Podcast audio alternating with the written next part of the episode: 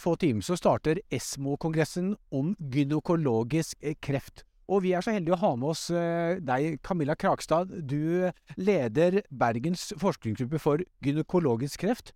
Du skal selv holde et foredrag som eneste nordmann, men vi skal også snakke litt om hva vi forventer oss innenfor de viktigste kreftområdene innenfor gynekologisk kreft.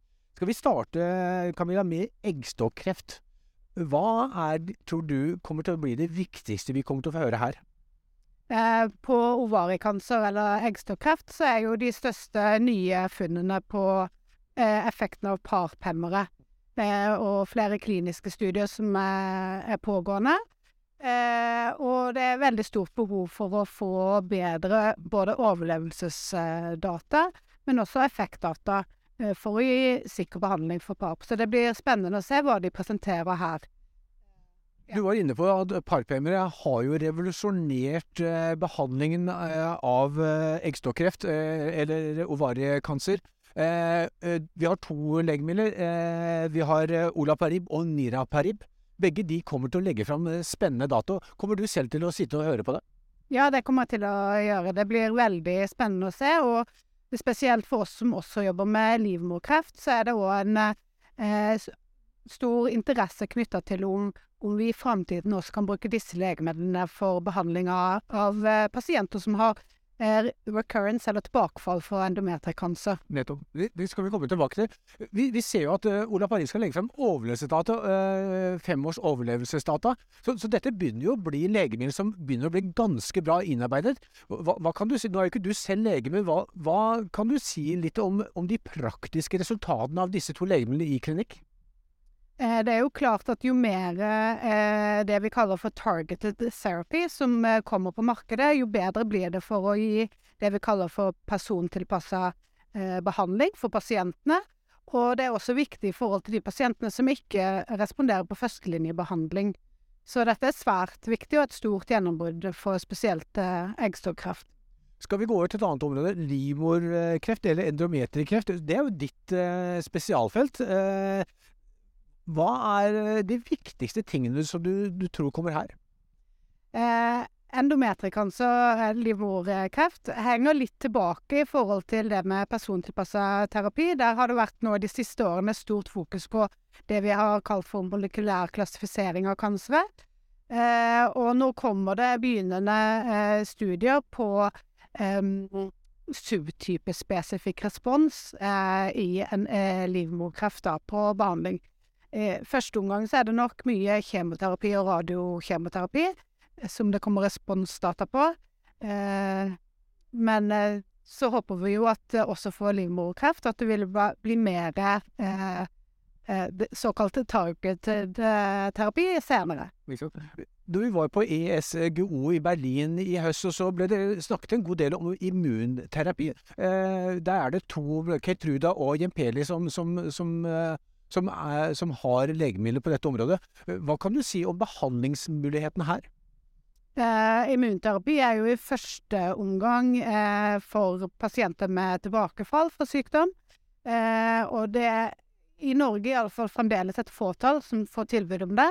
Og det er jo spesielt vært fokusert på pasienter som har såkalt MSI høy eller MMR deficient eh, sykdom da, i en residivtilstand. Eh, men det er nok eh, fremdeles eh, usikkert hvilke pasienter som faktisk responderer på terapi, og det er viktig med mer data fra pasienter. Hvorfor, ligger, altså hvorfor har ikke livmorkreft kommet like langt? Hvorfor finnes det ikke si, en type PARP-revolusjon innenfor dette området? Det er nok flere grunner til det.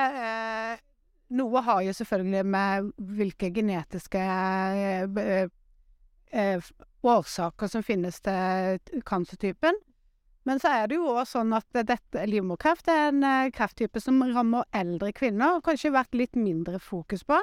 Og så er det sånn at primærbehandlingen med kirurgi har jo for mange vært en god behandlingsform. Så hvis man blir helbreda med kirurgi, så er det ikke behov for, eh, for uh, uh, noe mer behandling etter uh, kirurg, kirurgisk fjerning av livmor. Mm. Men eh, det er fremdeles sånn, og det må vi jo understreke, at de pasientene med livmorkreft som får tilbakefall, har svært eh, dårlig eh, utvalg av alternativ medisin. Det blir spennende å høre om det kommer noen nyheter her på dette området. Vi må også snakke om livmorhalskreft, altså cervixkancer. Her skal du faktisk holde foredrag. Det er jo ikke ditt spesialfelt, men, men hvorfor ble du kontaktet på dette området? Vi, vi, jobber med livmorhalskreft også, og har en del prosjekter, spesielt samarbeidsprosjekter på det. Um, uh, og eh, det er jo, selv om vi i Norge da har, uh, har, hatt et veldig godt screeningprogram, og i tillegg nå håper at forekomsten går ned med vaksinering og større andel av befolkningen, så er det også en sykdom som har høy dødelighet, og som selvfølgelig, hvis det rammer yngre kvinner, er veldig vel, en kan ha et dødelig utfall, og det rammer jo da hardt de som det rammer. Så det er viktig også å forske på den sykdommen. Ja, det har jo vært en rekke medieoppslag eh, nettopp på unge kvinner som, som, som, rammes av denne sykdommen, til tross for at det nå er vaksinering. Hvorfor skjer dette i Norge, har, hvor, hvor, vaksinegraden er såpass høy? Eh, det er nok litt tidlig å, eh, med å forvente en effekt av vaksinering eh, ennå. Eh, så eh, den største effekten forventer vi jo når først en større del av populasjonen eh, har vært vaksinert over en lengre tid. Eh, og så er det jo også sånn at det fremdeles er svært viktig at kvinner eh, går til screeningprogrammene og møter opp. Og også hvis man får symptomer, selv om man har vært til screening, og at man møter opp og eh, under, finner ut hva som er bakenforliggende hvis man har symptomer. Du skal holde ditt eh, foredrag her på Kongressen. Hva vil du fokusere på der? Eh, jeg har en litt overordna forelesning denne gangen, som både tar for seg hva, eh, hva eh, cervixkancer eller livmorhalskreft er, patologisk og molekylært. Og så skal jeg snakke litt om det finnes såkalte HPV-negative kansere. For det er jo også et spennende sånn subfelt, som vi har jobbet litt med. Helt uh, til slutt, eh, Camilla. altså Det som du nevnte innledningsvis, målrettet terapi. Der har vi en av disse målrettede. Det er sånn såkalt antistoff-legemiddelkonjugat, eller forkortet ADC-er. Innenfor brystkreft med en hertus og også flere andre eh, ADC-er, så har, har, kan vi nesten si at begynner så smått å revolusjonere denne behandlingen også innenfor brystkreft. Men er det noen uh, muligheter også innenfor uh, gynekologisk kreft? Eh, ja, det tror jeg nok at for subtyper av eh, gynekologisk kreft, eh, så vil det være mulig. Det har vært mindre forska på, men f.eks. for, for livmorkreft, endometrikanser, så har det i det siste vært større fokus på om f.eks.